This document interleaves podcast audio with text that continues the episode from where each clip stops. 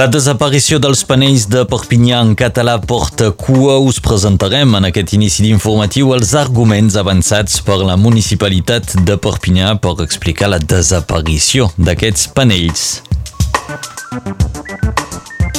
La plataforma per la llengua visita avui Matidion per fer un punt sobre les perspectives per la llengua catalana.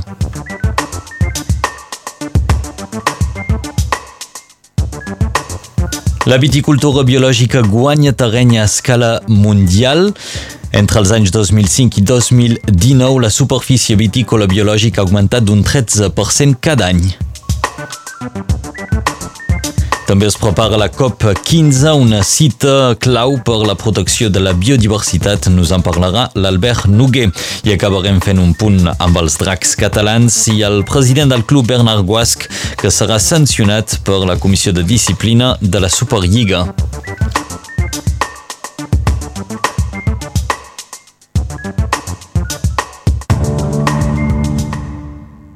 Robatori massiu o operació de manteniment. Els arguments de l'Ajuntament de Perpinyà per justificar la desaparició dels 160 panells en català d'entrada de la vila de Perpinyà divergeixen. Ja fa dies que molta gent es pregunta per què els panells de Perpinyà en català ja no apareixen sota el nom de la vila en francès. Contactat per Radio Arrels, l'Ajuntament atribueix aquesta desaparició a un robatori prou freqüent per part de seguidors de rugby. Però d'altres serveis ho justifiquen per una operació de manteniment manteniment anual pels serveis tècnics, uns serveis que, per altra banda, reconeixen que tot i tractar-se d'un manteniment anual, és el primer cop que ho fan.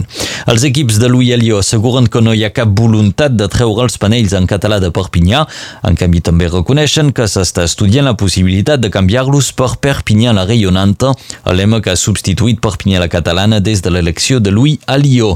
Segons aquestes explicacions, res no assegura que el nom de Perpinyà en català seguirà apareixent sobre els panells amb caràcter oficial de color blanc i vermell.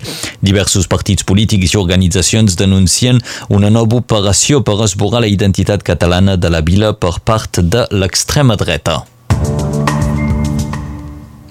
Una delegació de la Plataforma per la Llengua serà rebuda avui a Matignon.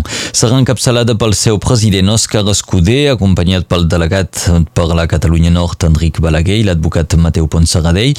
Seran rebuts el senyor Benoit Delaunay pel senyor Benoit Delaunay, que és cap del Pol Educació, Ensenyament, Recerca, Joventut i Esport al gabinet del primer ministre Jean Castex. Es tractarà de les perspectives per la llengua catalana després de la llei Molac i i dels retocs que ha patit per part del Consell Constitucional. Ahir va tancar la Fira Exposició de tardor a Perpinyà amb un balanç positiu, prop de 20.000 visitants al Parc de les Exposicions. En comparació amb l'any anterior, que va ser marcat per la Covid-19, l'augment de freqüentació és d'un 25%. A la Salanca, l'empresa El Forat, especialitzada en l'enterrament d'amiant i de residus de la construcció, vol augmentar la seva superfície. Ubicada a Clairà i a Sant Hipòlit, l'única empresa del departament autoritzada a tractar amiant ha aixecat un moviment de protesta en contra de la pol·lució del sol. Una enquesta pública va començar ahir pels habitants del sector i una reunió pública tindrà lloc avui a Sant Hipòlit a partir de les sis i mitja de la tarda. Aquest divendres 15 d'octubre, un centre de vaccinació efímer serà instal·lat al peu del Castellet per l'assegurança malaltia en partenariat amb l'Agència Regional de Salut i la Vila de Perpinyà. Us podreu doncs fer vaccinar a la plaça de la Victòria divendres de les 10 del matí fins a les 6 de la tarda. La carta vital és necessària. La viticultura biològica guanya terreny a escala mundial. Segons un estudi de l'Organització Internacional de la Vinya i del Vi, a tot el món hi ha prop de mig milió d'hectàrees dedicades a l'elaboració de vins biològics. El report pren en compte les terres vitícoles certificades biològiques entre els anys 2005 i 2019. Durant aquest període, la superfície vitícola biològica ha augmentat d'un 13% cada any, mentre que la superfície de vinya no biològica ha disminuït d'un 0,4% de mitjana. Actualment la vinya bio representa només un 6,2% de la superfície vitícola mundial. Els estats francès, espanyol i italià reagrupen un 75% de la superfície de vinya bio de tot el món. Aquesta setmana té lloc una reunió preparatòria de la Covid-15, un esdeveniment clau per la protecció de la biodiversitat. Fins al dia 15, prop d'un centenar de ministres d'arreu del món es reuneixen de forma virtual per preparar les negociacions presencials de la Covid-15 que se celebraran a l'abril del 2022 a la Xina. La Covid-15, la COP15, perdó, de la biodiversitat és crucial, ha de permetre establir un nou marc internacional comú per restaurar i per protegir la biodiversitat. Més explicacions amb l'Albert Noguer. El repte és immens. Al voltant d'un milió d'espècies, animals i vegetals es veuen amenaçades d'extinció, segons va advertir el 2019 la Plataforma Intergovernamental sobre Serveis de Biodiversitat i Ecosistemes, el treball del qual serveis de base científica per a les negociacions polítiques de la COP15. No és sorprenent que el tema més divisor sigui el finançament i en particular la mobilització de recursos per als països en desenvolupament desenvolupament. El full de ruta que es discuteix té per objectiu augmentar fins almenys 200.000 milions de dòlars a l'any el finançament a favor de la biodiversitat amb l'orientació d'una part d'aquesta quantitat cap als països en desenvolupament uns estats que ja han fet tard.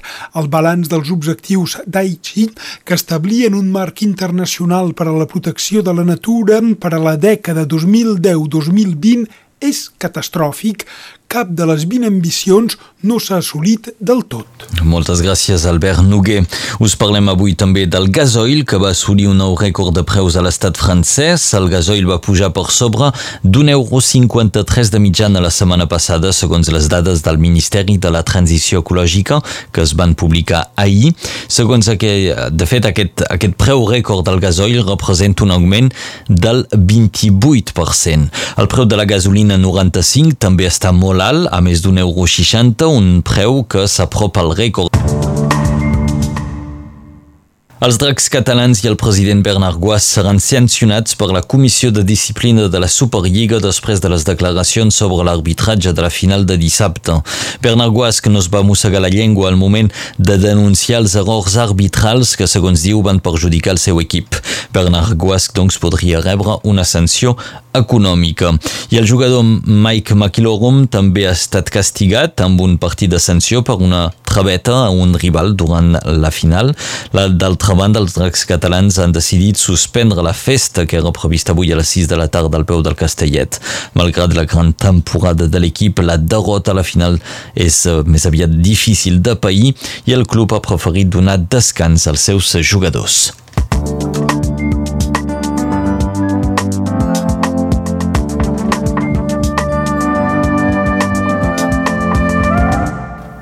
Passem a la previsió del temps amb l'Enric Balaguer.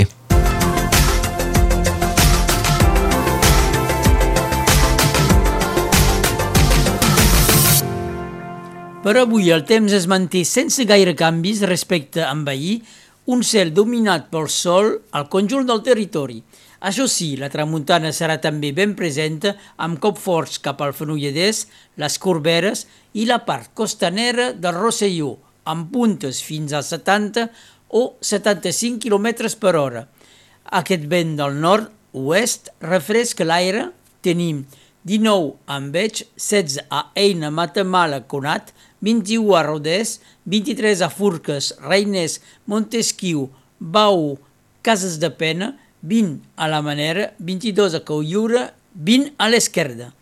El sol desapareix a Cases de Pena per on passa la veu de Catalunya Nord a un quart de vuit a les set i quart.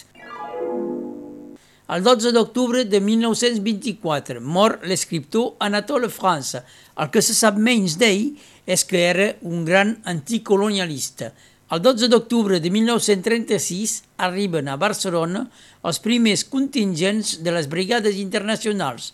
Avui és Sant Serafí, Sant Wilfrid i és el dia de la Mare de Déu del Pilar, patrona de Saragossa. Pel Pilar, el tort ve i l'oreneta se'n va.